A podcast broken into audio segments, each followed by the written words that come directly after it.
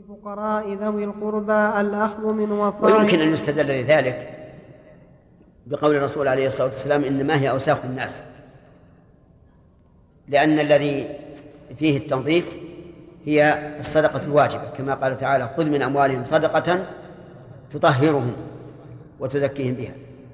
يعني قد يؤخذ من هذا. وكثير من العلماء يقول إنه لا تحل لهم الصدقة الواجبة ولا المستحبة. وهذا الأثر المروي عن محمد بن علي. ينظر أولا في صحته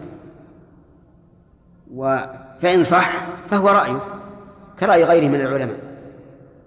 وإن لم يصح فالأمر واضح على أن هؤلاء لا يمنعون من الشرب من السقايات ونحوها لأنهم لا يملكونها. والمقصود الصدقة التي يملكونها. أما هذا فهو يشرب كما يشرب الناس ويمشي. فهو لم يختص بها ولم يتملكها.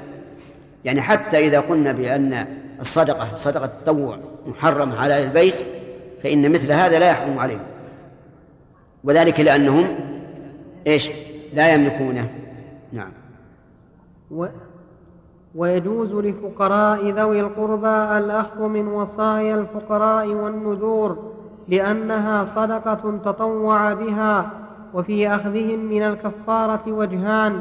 وعنه منعهم من صدقة التطوع لعموم الخبر والأول أظهر فإن النبي صلى الله عليه وسلم قال كل معروف صدقة حديث صحيح ويجوز اصطناع المعروف إليهم. وروى أبو سعيد عن النبي صلى الله عليه وسلم أنه قال لا تحل الصدقة لغني إلا لخمسة لغاز في سبيل الله أو لعامل عليها أو لغارم أو لرجل ابتاعها بماله طبعا أنا ما أتبعك أنا ما أتبعك لأن ما انتهى نسختي نقف على هذا وانتهى الوقت أيضا.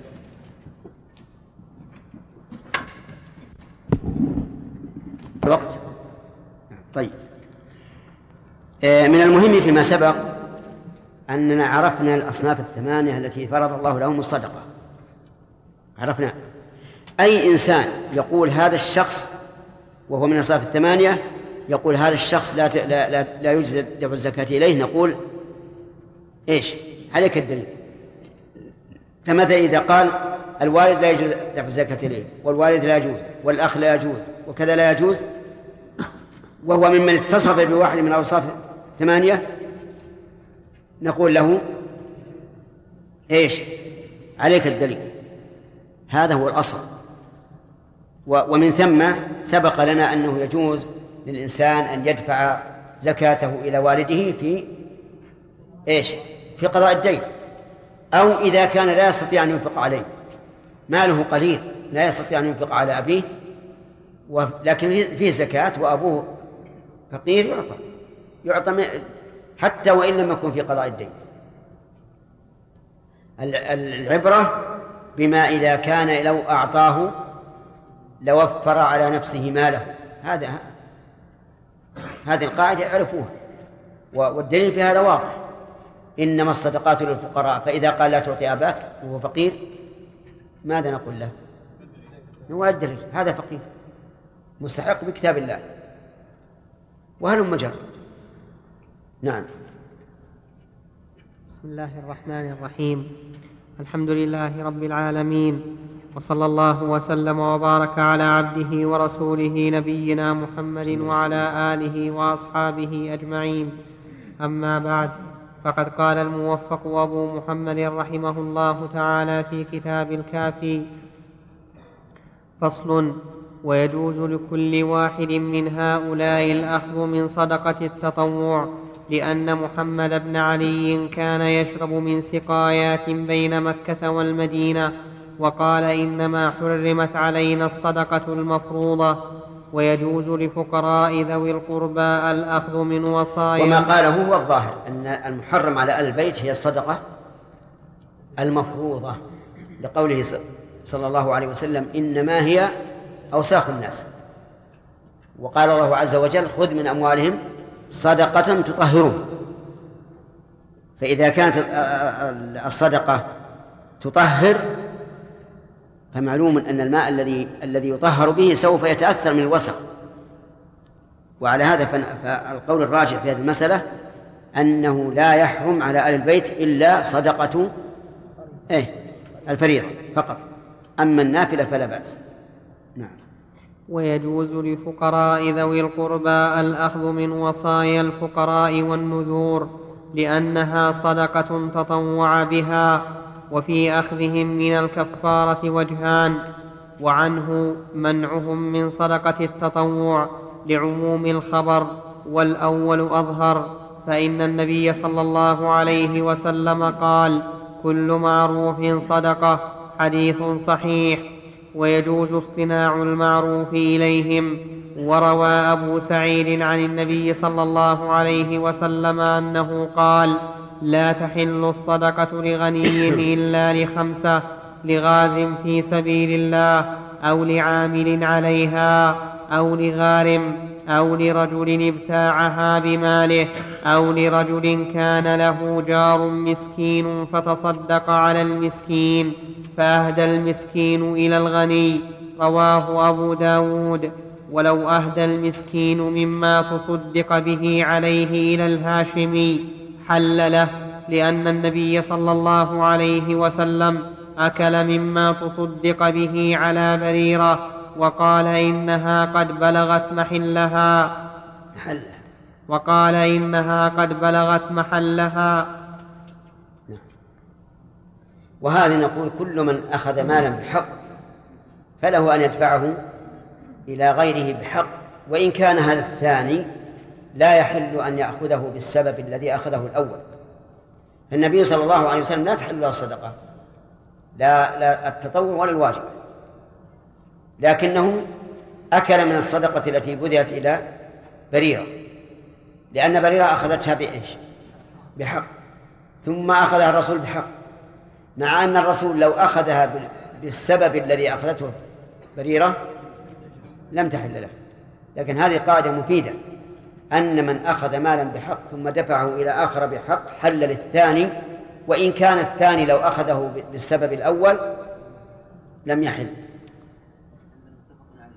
نعم. وهو كذلك. ها؟ لا بريرة. بريرة. فصل وإذا دفع رب المال الصدقة إلى غني يظن أخذ أخذه من الكفارة. فيه شيء عندي. يعني الوجه الثاني الذي ذكر المؤلف قد يكون أقرب إلى الصواب. لأن الكفارة واجبة تشبه الصدقة. فهي إلى الصدقة أقرب من آه، يعني إلى الزكاة قصدي أقرب من منها إلى الصدقة. نعم. فصل وإذا دفع رب المال الصدقة إلى غني يظنه فقيرا ففيه روايتان إحداهما لا يجزئه لأنه دفعها إلى غير مستحقها فأشبه دفع الدين إلى غير صاحبه والثانية يجزئه لأن النبي صلى الله عليه وسلم اكتفى بالظاهر لقوله للرجلين إن شئتما أعطيتكما إن شئتما أعطيتكما منها ولا حظ فيها لغني وهذا يدل على أنه يجزئ ولأن الغنى يخفى فاعتبار حقيقته يشق ولهذا قال الله تعالى تحسبهم أغنياء من التعفف. يحسبهم الجاهل يحسبهم الجاهل.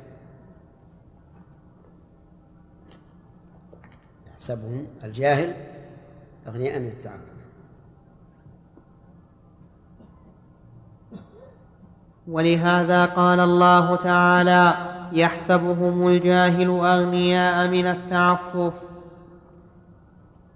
وإن بان كافرا وإن بان كافرا أو عبدا أو هاشميا لم تجزئه رواية واحدة. لأن حال, لأن حال هؤلاء لا تخفى فلم يعذر الدافع إليهم بخلاف الغني.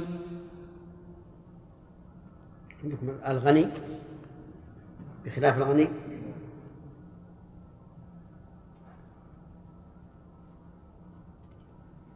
هذه المسألة هذا الفصل معناه إذا دفع الإنسان الزكاة إلى من ظنه من أهلها. وتبين أنه ليس من أهلها فإنها لا تجزئه. لا تجزئ مثل ظن أن هذا ابن سبيل وليس كذلك. ظنه حرا فبان عبدا وما أشبه ذلك فإنها لا تجزئه إلا إذا دفعها إلى غني يظنه فقيرا. فإنها تجزئ الدليل استدل المؤلف رحمه الله بما لا دلالة فيه. استدل بأن النبي صلى الله عليه وسلم قال الرجلين الجلدين إن شئتما أعطيتكما ولا حظ فيها لغني ولا لقوي مكتسب. فأعطاهم. فهل بان أنهما كانا قويين أو غنيين؟ لا إذا لا يتم الاستدلال. لكن هناك دليل واضح وهي قصة الرجل الذي حدث عنه النبي عليه الصلاة والسلام أنه خرج ذات يوم يتصدق فتصدق. فوقعت في يد سارق. فأصبح الناس يتحدثون. تصدق الليلة على سارق. فقال الحمد لله على سارق. ثم خرج الليلة الثانية فوضع صدقته في يد بغي. يعني زانية والعياذ بالله. فأصبح الناس يتحدثون. تصدق الليلة على زانية.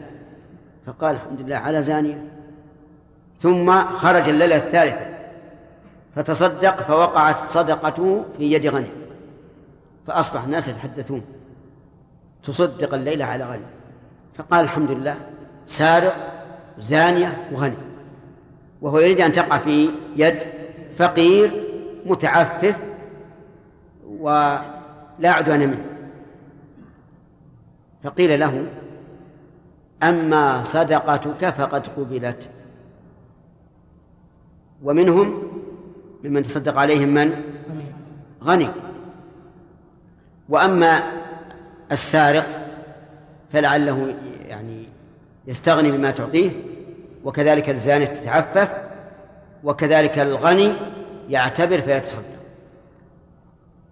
لأن نيته طيبة فربما تفيد. هذا واضح أنه إذا أعطى زكاته لغني يظنه فقيرا فإنها تجزي. بقينا إذا أعطاها لغير الغني ممن تحل لهم الزكاة فبان بخلافه. يقول المؤلف إنها لا تجزي. العبد أعطاها شخص فقير يظنه حرا فتبين أنه عبد. يقول لا تجزي. طيب ماذا يصنع؟ يأخذ من العبد. العبد أبى يضمنه للفقراء وهذه تروح عليه. أعطاها كافر أعطاها كافر ثم تبين نعم يظنه مسلما ثم تبين أنه كافر والكافر لا تحل الزكاة إلا في حال واحد. ما هي؟ التأليف. طيب. تبين أنه كافر لا تجزئه. طيب ماذا يصنع؟ عجيب يسترجعها منه. أبى. يضمنها للفقراء ويطالب الكافر يوم القيامة. طيب. أعطاها شخصا من سائر الناس. فتبين أنه هاشمي. والهاشمي من آل البيت وآل البيت لا يصح دفع الزكاة إليه. فماذا يصنع؟ نقول لا تجزي. استرجعها منه. فإن أبى فعليك الضمان. التعليل علل رحمه الله بعلة عليلة قال لأن حال هؤلاء لا تخفى. فلم يعذر الدافع إليهم بخلاف الغني. هذا في الواقع فيه نظر. ما الذي يعلمني أن هذا الرجل الذي عليه ثياب متقشفة وظاهر عليها البؤس.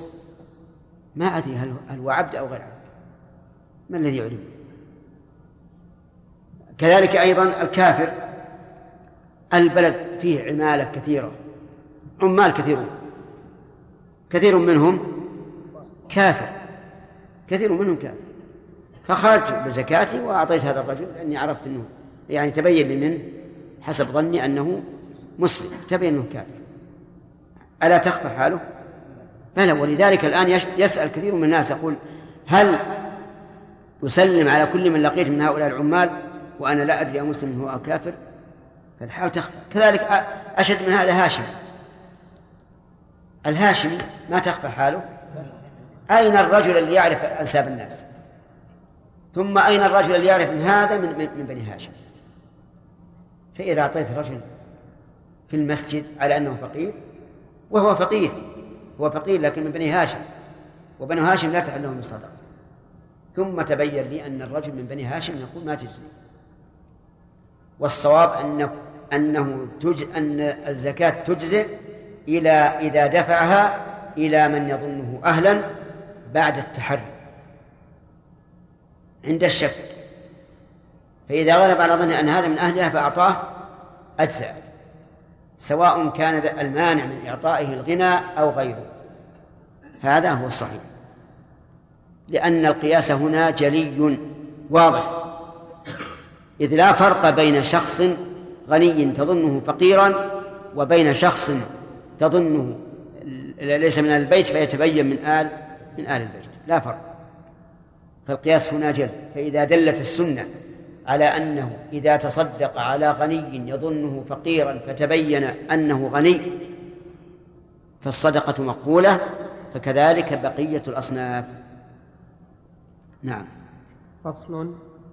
وإذا تولى الرجل إخراج زكاته استحب أن يبدأ بأقاربه الذين يجوز الدفع إليهم لقول النبي صلى الله عليه وسلم صدقتك على ذي القرابة صدقة وصلة ويخص ذوي الحاجة لأنهم أحق ومن مات وعليه دين وزكاة لا تتسع تركته لهما قسمت بينهما بحصصهما لأنهما تساويا في الوجوب فتساويا في القضاء. هذه مسألة الثانية. وهي إذا مات الإنسان المسألة الأولى واضحة أنه إذا كان أقاربه من أهل الزكاة فهم أولى من غيره لأن لأن صدقته عليهم صدقة وصلة. المسألة الثانية رجل مات وعليه زكاة ودين. عليه مثل ألف ريال زكاة وألف ريال دين. ولم يخلف إلا ألف ريال. فماذا نصنع؟ يقول المؤلف إنها تقسم بين الزكاة وبين الدين. والمثال الذي ذكرنا كم تقسم؟ نصفين. خمسمائة يعطى بالزكاة في أهل الزكاة وخمسمائة يعطى في الدين. وهذا الذي ذكره رحمه الله هو الأولى. وقال بعض العلماء يقدم حق الله. لأن النبي صلى الله عليه وسلم قال اقضوا الله فالله أحق بالوفاء. فالله أحق بالوفاء وبعضهم قال يقدم الدين. لأنه حق آدمي وحق الآدمي مبني على المشاحة فيقدم. ولا أدري أفيه قول آخر أن السابق منهما يقدم كما لو كان الدين قد حل قبل وجوب الزكاة أو لا. إن كان أحد قال بذلك فهذا قول رابع.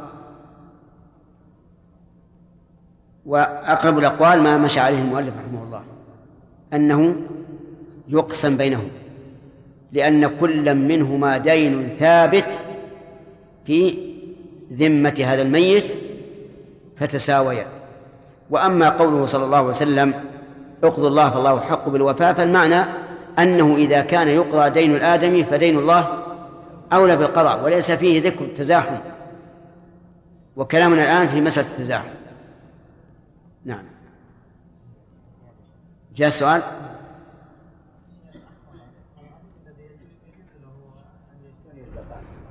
أن إيش؟ يعني قلنا الزكاة لا تجب لغني إلا لخمسة وذكر منها الذي اشتراها بمال. نعم. هل يجوز له يعني وحتى المال الذي أخرجه هو بنفسه أن يشتريه من الفقراء؟ يعني أعطاه شاة للفقير وأراد أن يبيع الفقير اشترى. سمعتم ما قال؟ يقول إذا قلنا بأن الغني يجوز أن يشتري الزكاة من الفقير وتحل له هل يجوز أن يشتري زكاته من الفقير الذي أعطاها إياه؟ الجواب لا لا يجوز. حمل عمر بن الخطاب على فرس له فأضاعه الذي أعطاه إياه فأراد عمر أن يشتريه فاستفتى النبي صلى الله عليه وسلم في ذلك فقال لا تأخذه ولا بدرهم وإن أعطاكه بدرهم. لا تعد في صدقتك فإن العائد في صدقته كالكلب يقيء ثم يعود في قيئه عرفت الدليل الآن؟ التعليل. هذا الفقير إذا كانت الشاة اللي أعطاه تساوي مئة سوف يبيع عليه بثمانين. ولا لا؟ ليش؟ عشان العام القادم يعطيه. لأنه حاباه بها. فهمت الآن؟ فعندك الآن دليل أثري ودليل نظر. نعم. الصدقة على المدين بقدر دينه ما يدخل في شراء الصدقة كيف الصدقة على المدين؟ يعني لو كان لو كان له على على زيد دين نعم. فتصدق عليه بقدر ذلك الدين طيب. ليرده إليه. ما قال إن شرط ما يجوز. لا ما وما شرط رده إليه بدون شرط. طيب ما في معنى ما أبرأ, أبرأ ذمته. ما يدخل في باب لا لا أبدا لأن لو أنه ما ما في محاباة هنا. صاحب المال أبرأ ذمته هذا الرجل. والرجل الذي أخذه يمكن أن يعطيه غيره. يعني ما قال رده عليه. نعم. ذكرنا أن الابن إذا كان غنيا. إيش؟ ذكرنا أن الابن إذا كان غنيا. نعم. والأب فقير فإنه يجوز إذا كان عليه قضاء دين نعم. يجوز نعم. وإذا ما إذا كان ليس دينا فلا يجوز لأنه تجب عليه نفقته. نعم. وهذا في في كل من تجب نفقته لا يجوز اعطاؤه أي نعم. كل إنسان تجب عليك نفقته لا يجوز أن تعطيها من الزكاة. الضابط ما هو؟ إذا كان الضابط يا أخي لن يعود عليه بالله لأن هذا يعود عليه بتوفير المال. بدل ما يعطيه الإنفاق يبغى يستغني بزكاته نعم ثلاثة باب إيش؟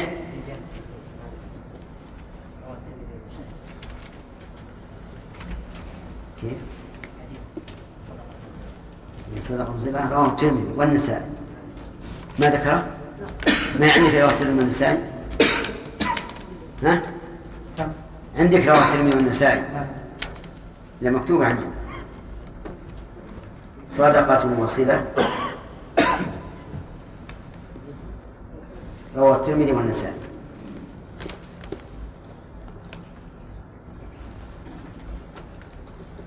باب صدقة التطوع وهي مستحبة لقول الله تعالى من ذا الذي يقرض الله قرضا حسنا فيضاعفه له أضعافا كثيرة وعن أبي هريرة رضي الله عنه قال اليهود عليهم من الله إلى يوم القيامة.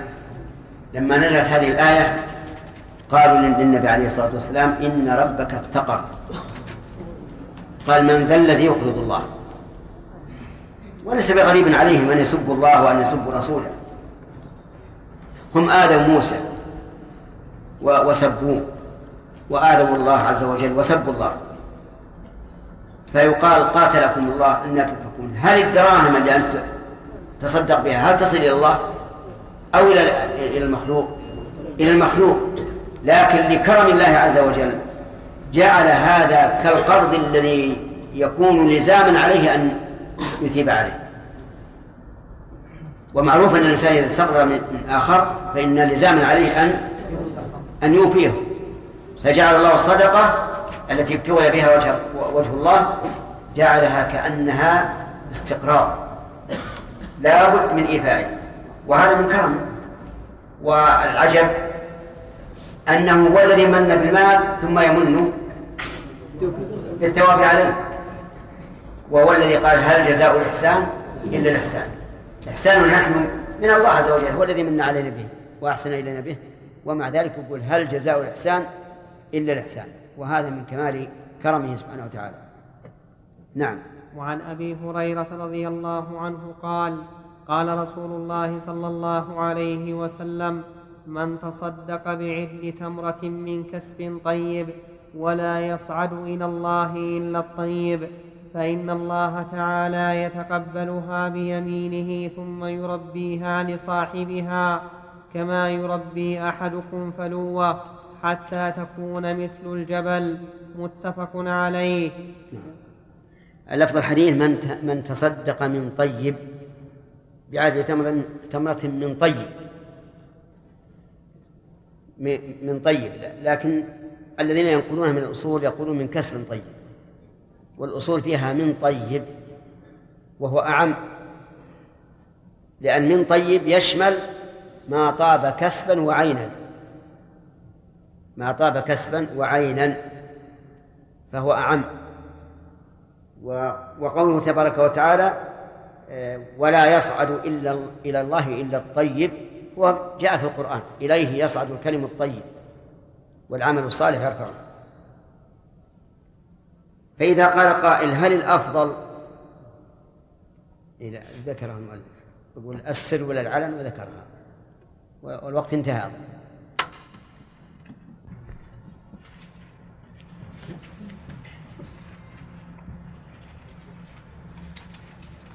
بسم الله. بسم الله الرحمن الرحيم الحمد لله رب العالمين. وصلى الله وسلم وبارك على أشرف الأنبياء والمرسلين نبينا محمد وعلى آله وأصحابه أجمعين. أما بعد فقد قال الموفق أبو محمد رحمه الله تعالى في كتاب الكافي باب صدقة التطوع وصدقة السر أفضل. لقول الله تعالى إن تبدوا الصدقات فنعم ما هي وإن تخفوها وتؤتوها الفقراء فهو خير لكم ويكفر عنكم من سيئاتكم والله بما تعملون خبير. وجاء عن النبي صلى الله عليه وسلم أن صلة الرحم تزيد في العمر وصدقة السر تطفئ غضب الرب والأفضل الصدقة على ذي الرحم للخبر ولقول الله. غضب الرب رواه الترمذي وقال حديث حسن غريب عندكم؟ ما هي عندك في الحاشية؟ الحاشية. ما عندي حاشية. إيه. طيب أجل اكتب. رواه الترمذي.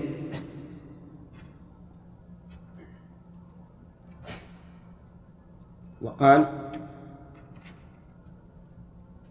حديث حسن غريب.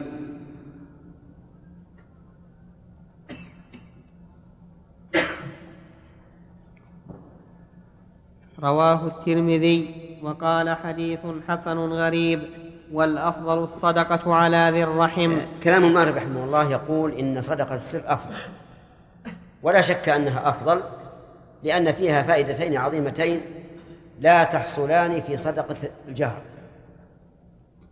الفائدة الأولى أنها أقرب إلى الإخلاص. أقرب إلى الإخلاص. والفائدة الثانية أبعد عن كسب قلب المعطى لأنك إذا تصدقت على شخص أمام الناس انكسر قلبه. فهاتان الفائدتان لا توجدان في صدقة السر. نعم في صدقة العلانية. وإنما توجدان في صدقة السر. ولكن إذا دعي إلى الصدقة على سبيل العموم. وتصدق الإنسان. مثل أن يقوم قائم أن يقوم شخص يجمع للمجاهدين في سبيل الله أو للفقراء في بلد ما. فهل الأفضل أن تكون سرا أو أن تكون علنا؟ الثاني أفضل. الثاني أفضل. وهنا آه بالنسبة لكسر قلب المعطى لا ينكسر قلبه لأنه لا لأن هذه الصدقة لا تعطى لشخص معين أمام الناس. لكن يبقى المصارعة الآن بين إعطائها سرا لأنه أشد إخلاصا أو إعطائها جهرا فنقول في هذه الحال إعطاؤها جهرا أفضل وذلك من أجل أن يقتدى بالإنسان. ولهذا لما جاء الأنصاري بصرة معه حين دعا النبي صلى الله عليه وسلم إلى الصدقة أتى بصرة كثيرة فأخذها النبي عليه الصلاة والسلام. وقال من سن في الإسلام سنة حسنة فله أجرها وأجر من عمل بها إلى يوم القيامة. فإذا كان إعطاؤك الصدقة جهرا يحصل به الاقتداء وأن الناس يتسارعون إلى ذلك صارت هنا أفضل من السر حينئذ نقول الصدقة سرا أفضل. ما لم يكن هناك مصلحة. فالعناية فالعلانية أفضل. ولهذا مدح الله الذين ينفقون أموالهم سرا وعلانية. لم يذكر المؤلف رحمه الله ما ثبت في الصحيحين أو الصحيح من أن سبعة يظلهم الله في ظله يوم لا ظل إلا ظله. إمام عادل وشاب نشأ في طاعة الله ورجل قلبه معلق بالمساجد ورجلان يتحابا في الله اجتماعا عليه وتفرقا عليه ورجل دعته امرأة ذات منصب وجمال فقال إني أخاف الله ورجل ذكر الله خاليا ففاضت عيناه ورجل تصدق بصدقة فأخفاها حتى لا تعلم شماله ما تنفق يمينه. الشاهد في الأخير أخفاها حتى لا تعلم شماله ما تنفق يمينه. هذا ممن يظلهم الله في ظله يوم لا ظل إلا ظله. نعم.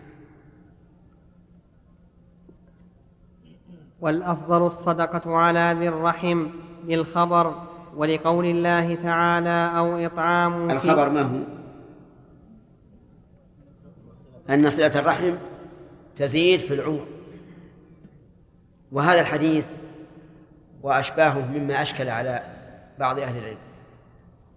وقال كيف تزيد الصلة في العمر؟ والعمر محدد. مؤد...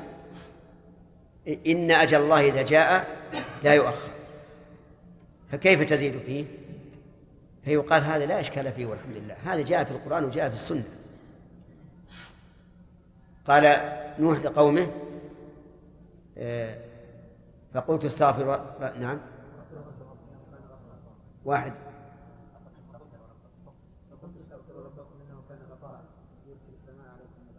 لا لا. قبله. أن أنذر قال يا قوم إني لكم نذير مبين أن اعبدوا الله واتقوه وأطيعون يغفر لكم من ذنوبكم ويؤخركم إلى أجل مسمى.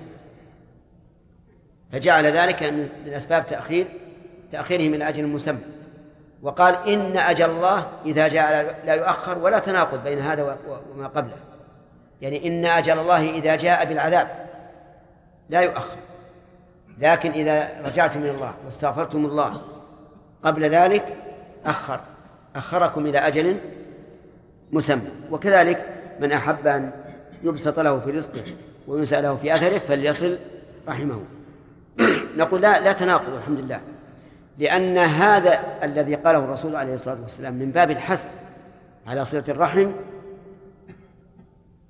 وإذا كان الله قد قدر للإنسان أجلا مسمى مبنيا على صلة الرحم فسوف تكون صلة الرحم وسوف يكون تأخير الأجل لأن السر مكتوم القدر سر مكتوم لا نعلم فمثلا إذا وفق الإنسان وقبل هذا الحديث ووصل رحمه علمنا أن الله تعالى جعل له سببا يكون به إيش؟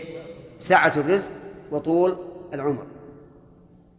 وإذا لم يوفق علمنا أن الله تعالى قد نقص عمره لأنه لم يوفق لذلك. فهو قد كتب لا الذي لا الذي وصل وزاد ولا الذي قطع ونقص عمره. وما وما يعمر من معمر ولا ينقص من عمره إلا في كتاب. فعندنا المسألة ما في أشكال. حتى أننا نقول للرجل من أراد أن يكون له أولاد فليتزوج. ممكن نقول هكذا ولا لا؟ نعم نقول هكذا. وإذا قدر أن يتزوج علمنا الله أن الله قد قدر له أولادا لأنه سبب وجد.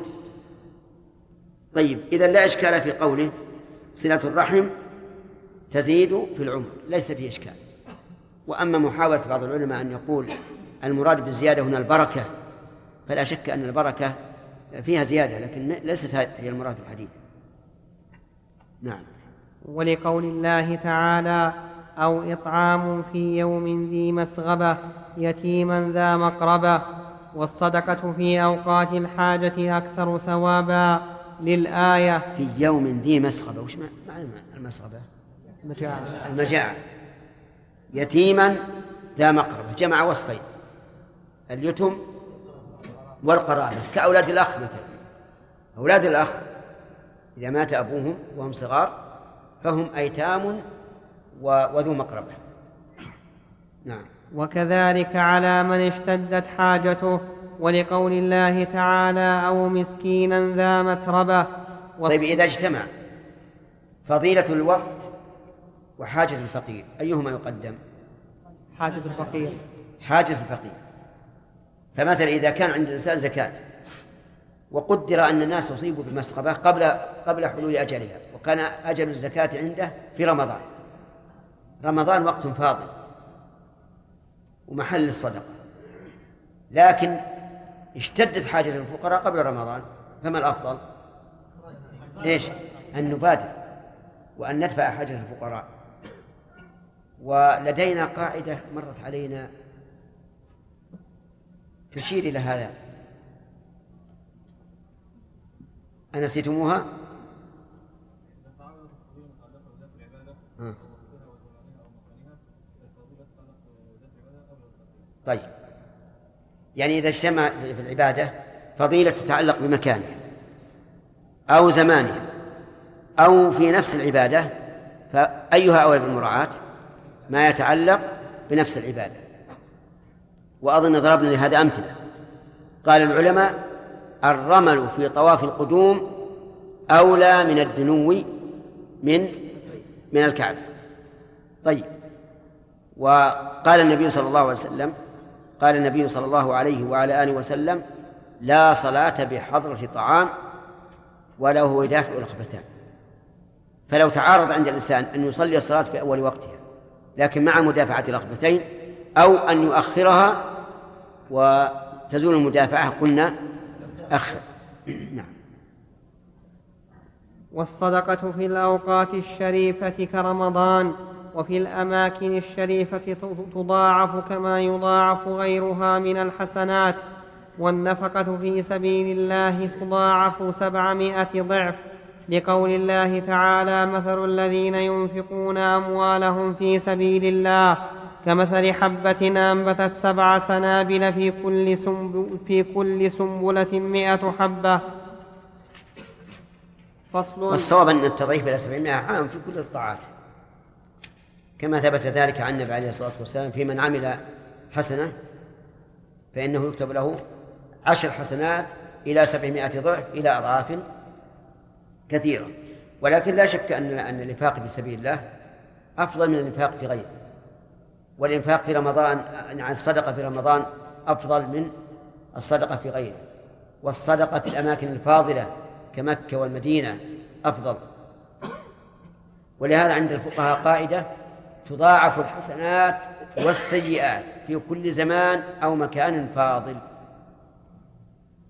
وهنا نسأل الأخ نعم هل تضاعف السيئات بالعدد ولا بالكيفية؟ نعم. هل تضاعف السيئات؟ يعني عقوباته تضاعف بالعدد يعني السيئة بعشر سيئات أو أكثر أو بالكيفية. الثاني؟ لا الثاني مو بالعدد. السيئة ما يمكن تجزى بأكثر من سيئة. لكن الفرق شو فيه؟ في الكيفية. وكلنا يعلم الفرق بين الضرب الشديد والضرب الخفيف. نعم. فصل. نعم. جاء سؤال. طيب. ومن عليه دين لا يجوز أن يتصدق صدقة تمنع قضاءها لأنه واجب. قضاءه أي قضاء الدين. ها؟ تصحيح. نعم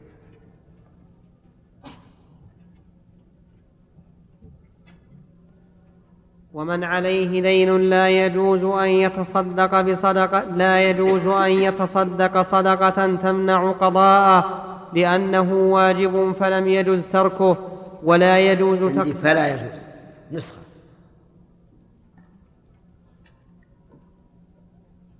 فلا يجوز تركه ولا يجوز تقديمها على نفقة. وهذا واضح. يعني إنسان مثلا عليه دين. دين حال. وتصدق. نقول لا تصدق. لا تصدق. اقضي الدين. قال أنا بتصدق بعشرة ريالات وأنا عندي وأنا علي عشرة آلاف. وبتصدق بعشرة آلاف. عشرة ريال فقط. ماذا نقول له؟ عشرة ريال. هذه عطها الدائم. يبقى عليك كم؟ عشرة آلاف إلى عشرة ريالات. والمرة الثانية كذلك. وكما قال العوام قطرة مع قطرة تأتي غديرا أو واديا. وإذا أردت مثلا الشهر هذا عندك عشرة تصدق به والشهر الثاني عشرة تصدق به. معناها نقصت. أما لو كان الدين إذا حل يعني مؤجلا وإذا حل فعندك ما يوفي فتصدق ولا حرج. لأنك قادر. نعم. وكذلك نفقة العيال. نفقة العيال مقدمة على الصدقة. ومن نعمة الله سبحانه وتعالى أن إنفاقك على أولادك صدقة. بل إنفاقك على نفسك صدقة كما ثبت عن النبي عليه الصلاة والسلام. وهذه من سعة رحمة الله. الإنسان يقضي شيئا واجبا عليه ومع ذلك يثاب ثواب الصدقة الواجبة. لأن إنفاقك على نفسك وأولادك واجب. نعم. ولا يجوز تقديمها على نفقة العيال لأنها واجبة. وقد قال النبي صلى الله عليه وسلم كفى بالمرء إثما أن يضيع من يقوت رواه أبو داود. وروى أبو هريرة قال أمر النبي صلى الله عليه وسلم بالصدقة فقام رجل فقال يا رسول الله عندي دينار قال تصدق على نفسك قال عند تصدق به. قال تصدق به على نفسك. قال عندي آخر. قال تصدق به على ولدك. قال عندي آخر. قال تصدق به على زوجك. قال عندي آخر. قال تصدق به على خادمك. قال عندي آخر. قال أنت أبصر. رواه أبو داود. وهذا واضح. أن الواجب أن الواجب البداءة بإيش؟ بالواجب. وأول أول ما واجب عليك نفسك. ابدأ بنفسك ثم بمن؟ تعود. ولكن يعني قد يكون أحوالا قد يكون هناك أحوال تطرأ. يكون تقديم غير أهلك أمرا مؤكدا. كدفع ضرورة جائع مثلا. جائع بيموت إلا إذا أنقذته بطعام. وأهلك لا يموتون لو, لو, لو, لم, لو لم تطعمهم الآن. فهنا نقدم الجائع ندفع ضرورته. نعم. جاء السؤال؟ أي ودنا تعطينا قاعدة. هذا قاعدة أنا حسب الأسطر. الأسطر؟ كم مقدارها؟ حسب صفحة. حسب الصفحة. أي يعني, يعني الصفحة اللي فيها 40 سطر 40 سطر. نعم. الصفحة اللي فيها 40 سطر؟ 40 سطر. لا ما أحسب هذا. أحسب يعني الفراغات أحذفها ما أحسب الفراغ. طيب ذي أحسنت. إذا العبرة بالأسطر العبرة كم؟ الصفحة عادة يصير فيها 22 سطر. ولا صار فيها فراغات؟ فصل باب. لا ال ال إذا صار فيه الفصل الفصل ما يؤثر لأنه يصير في طرف الصفحة ما يأخذ شيء من ال... والله فيها شيء من التوقيف هذا. يعني الآن معاملاتنا فيها شيء من التوقيف بالنسبة لك أنت. الله يعني إذا بدء السؤال توقيفي. شا شا. أنتم اللي رغبتم هذا يا شيخ. لا إحنا والله ما أدري إحنا فرضنا يا جماعة. إحنا فرضنا ذكرنا. ها؟ كم؟ لكن عشرة أسطر ما يخالف أو عشرين سطر. شيخ إذا حطينا عشرة أسطر. أي نعم. قلتم حفظكم الله الأسئلة كثيرة. ما نخفف؟ طيب حط عشرين سطر. بس أهم شيء نعرف. هو الصفحة أضبط لأن أحيانا الكلام يتصل ويتعذر الوقوف نخاف المطابع بعض يعني فصل خصوصا الطبعة الأولى من الكافر فصل اللي فيه أربعة أسطر كلمة فصل قبل السطر وبعد فإن وافقه عياله على الإيثار فهو أفضل لقول الله تعالى ويؤثرون على أنفسهم ولو كان بهم خصاصة وقال النبي صلى الله عليه وسلم وصف من؟ وصف الأنصار رضي الله عنهم والذين تبوأوا الدار والإيمان من قبلهم يحبون من هاجر إليهم ولا يجدون في صدورهم حاجة مما أوتوا. يعني لا يجدون في صدورهم حاجة على المهاجرين مما آتاهم الله من فضل الهجرة والنصرة لأنهم ما عندهم حسد ويؤثرون على أنفسهم ولو كان بهم خصاصة. نعم. ومن وقال النبي صلى الله عليه وسلم أفضل الصدقة جهد من مقل إلى فقير في السر رواه أبو داود ومن أراد الصدقة بكل ماله وك ها؟ وين؟ ها؟ ما عندكم اي ما عندكم أنتم وش عندكم زيادة؟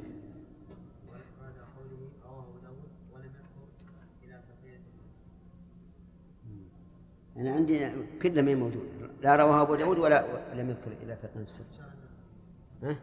حاشية اللي عندك؟ لا لا حاشية أصل طيب نكتبها جل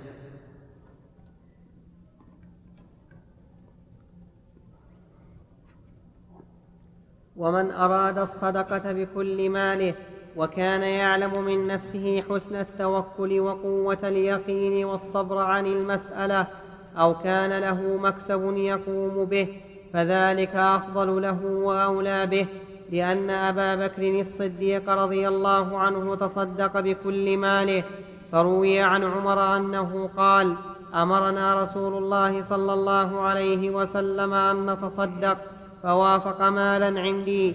فقلت اليوم أسبق أبا بكر إن سبقته يوما فجئت بنصف مالي. فقال رسول الله صلى الله عليه وسلم ما أبقيت لأهلك؟ قلت أبقيت لهم مثله. فأتى أبو بكر بكل ما عنده. فقال رسول الله صلى الله عليه وسلم ما أبقيت لأهلك؟ فقال الله ورسوله الله فقال الله ورسوله فقلت لا أسابقك إلى شيء أبدا وإن لم يثق من نفسه بهذا كره له لما روي أن النبي صلى الله عليه وسلم قال يأتي, أحد يأتي, يأتي أحدكم بما يملك فيقول هذه صدقة ثم يقعد يستكف الناس خير الصدقة ما كان عن ظهر غنى وقال النبي صلى الله عليه وسلم لسعد إنك أن تدع أهلك أغنياء. نعم. خير من أن تدعهم عالة يتكففون الناس متفق عليه ويكره لمن لا صبر له على الإضاقة أن ينقص نفسه عن الكفاية التامة. كل هذا صحيح لأن البداء بالنفس أولى ثم بمن تجب مؤونتهم ثم بالأجانب نعم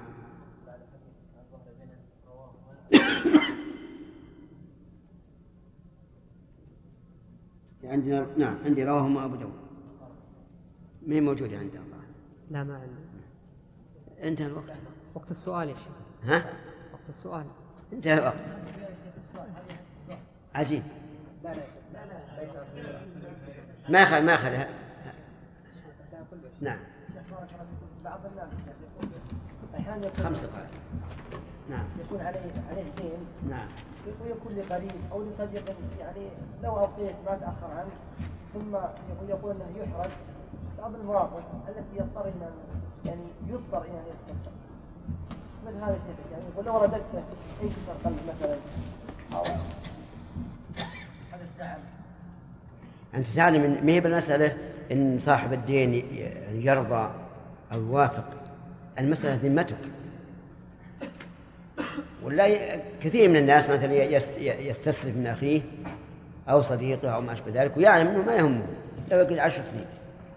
لكن العلة هي براءة الذمة. لكن قد يقال مثلا أنه إذا صار موقف حرج مثل ما قلت أنت فهذا ربما يقال انه إن شاء الله لا بأس به. لا سيما إذا صار قليل. نعم. بارك الله فيكم ما ذكره الفقهاء رحمهم الله تعالى من ان الفقير لا يعطى من الصدقه الا بقدر الكفايه لا هذا الزكاة من الزكاة. اي نعم لا يعطى من الزكاة إلا بقدر كفايته يعني إلى سنة كما رجحنا. نعم. فشيخ بارك الله فيكم يعني يسأل عن مستندهم رحمه الله تعالى في ذلك حيث أنه يعني لو يعني أعطي ما يكفيه مطلقا واستغنى عن الفقر يعني لكان هذا تقليلا للفقراء في المجتمع الإسلامي كيف؟ إحنا ذكرنا السبب ذكرنا السبب ذكرنا السبب لا سيما إذا أخذ بما قال عثمان رضي الله عنه من صدقة المال غير المواشي والزروع في محرم فإذا أعطيناه إلى منتهى محرم يعني المحرم تأتي يأتي توزيع الصدقة فيستغني الناس نعم إذا توفي شخص عليه دين. وتعهد آخر في سداده يعني صح؟ إي نعم. تبرأ ذمة الميت هذه فيها خلاف. قصة أبي قتادة رضي الله عنه لما تحمل الدينارين تقدم النبي صلى الله عليه وآله وسلم وصلى على الميت. قال وصلاته عليه يدل على أنه برئت ذمته. لكن في بعض روايات الحديث كان الرسول يسأل أبا قتادة حتى قال أديتهما. قال الآن بردت عليه جلدته. فهذا يدل على أنه أنه لا يبرأ الميت منهما براءة تامة حتى تقرأ. وذلك لأن الضامن قد يماطل وربما يعسر. والأصل أن وجوب الدين على من؟ على الميت. نعم. سواء خطيا أو بشهود أو, أو, برضا صاحب الدين. نعم. هذا هذه ورقة يقول بدأ المجلد الأول ليلة 18 6 1412 وانتهى ليلة 9 6 من عام 17 المدة خمسة سنوات إلى تسعة أيام كيف؟ أنت إيش؟ بدأ إيش؟ بدأ في 18 6 إيه. من عام 12 12 نعم إي. 12 وانتهى 9 6 الليلة من عام 17 المدة خمسة سنوات خمس سنوات إلى تسعة أيام. ليش لا تسعة أيام؟ لا خمس سنوات تمام. لا هو تمام. كم؟ ما هو تسعة يقول؟ لا لأنه آه، بدأ ليلة 18 18 تسعة. نعم. إي. نعم. عندي 13 هذا مع اننا إذا حسبنا حسبنا أيضا أننا سلمك الله قرأنا الحج متتابع والصيام متتابع. فالظاهر المجلد الثاني سيبقى 15 سنة. شوف يا أخوان العلم مو بأن نمشي العلم بأن نفقه. نعم ودراستنا أولا أنا عندي طالب العلم اللي ما يعطى قواعد وأشياء يبني عليها. ترى ما هو طلب علم. إحنا نقدر أننا نمشي ونعلق على مشكلة الكلمات أو مشكلة الإعراب. لكن عندي ما نستفيد بهذا. ما نستفيد. بالضبط يعني الرحمن ترى قبل وقت بخمس دقائق. نعم. الحمد لله رب العالمين وصلى الله وسلم وبارك على عبده ورسوله نبينا محمد وعلى آله وأصحابه أجمعين. أما بعد فقد قال الموفق أبو محمد رحمه الله تعالى في كتاب الكافي كتاب البيع. نعم. أقرأ. اي بس أنا ما هو عندي أول كتاب. أنا أول ما عندي فصل ولا يجوز بيع الكلب. وش هذا الفصل؟ بعيد. ولا يجوز بيع الكلب. أول الفصل لا يجوز بيع الكلب. إي نعم. قبله بسبعة أسطر. بس صفحات؟ كم من فصل؟ كم من ورقة؟ يمكن نساق منه ورقة من هذا.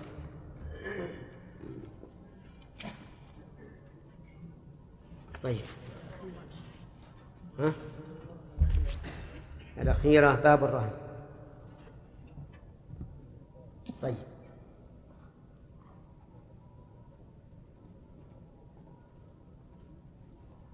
نعم. البيع كتاب البيع.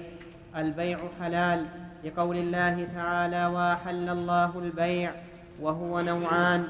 بسم الله الرحمن الرحيم. البيع حلال كما قال المؤلف رحمه الله و واستدل له بقول الله تعالى وأحل الله البيع.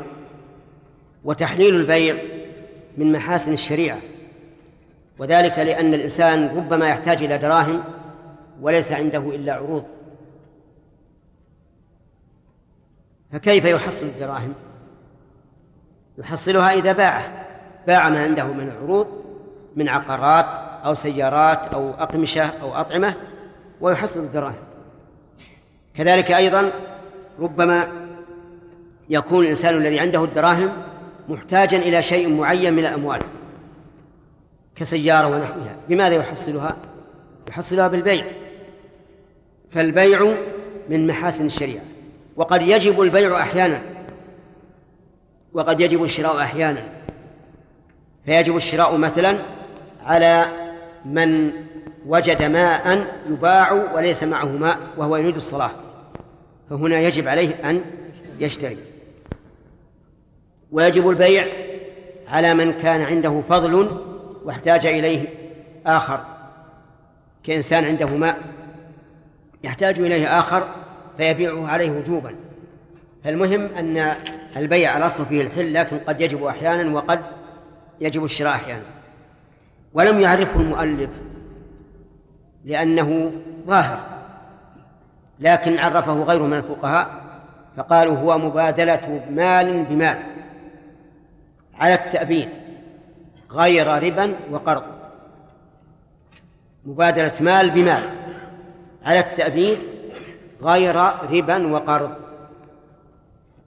ف فقولنا على التأبيد خرج, خرج به الإجارة لأن الإجارة غير مؤبدة. وقولنا غير ربا خرج به الربا فليس ببيع ولو صار في التبادل مال بمال. وقولنا وقرض خرج به القرض أيضا فإن القرض وإن كان مبادلة وإن كان مبادلة مال بمال لكنه ليس بيعا. فأنت تعطيني ريال قرضا وأعطيك بعد بدله ريالا. هذا تبادل ولكن ليس على سبيل المعاوضة بل هو على سبيل الإحسان والإرفاق. فلا فلا يكون بيعا. نعم. كتاب البيع البيع حلال لقول الله تعالى وأحل الله البيع وهو نوعان أحدهما الإيجاب والقبول. فيقول البائع بعتك أو ملكتك. أو لفظا بمعناهما. قوله وهو نوعان ليس هو البيع نوعان. وهو أي ما ينعقد به البيع. ما ينعقد به البيع نوعان. نعم. الإيجاب وهو, وهو اللفظ الصادر من البائع. والقبول وهو اللفظ الصادر من المشتري أو من يقوم مقامه. فيقول البائع فيقول البائع بع بعتك أو ملكتك أو لفظا بمعناهما ثم يقول المشتري ابتعت أو قبلت أو نحوهما. نحوهما أو ابتعت أو قبلت أو نحوهما. فإن تقدم القبول أفادنا المؤلف رحمه الله أن البيع ليس له صيغة معينة بل كل ما دل على البيع انعقد به. والصواب أن هذا ثابت في جميع العقود تنعقد بما دل عليها دون تحديد لفظ معين. حتى النكاح لو قال مثلا لشخص ملكتك بنتي فقال قبلت.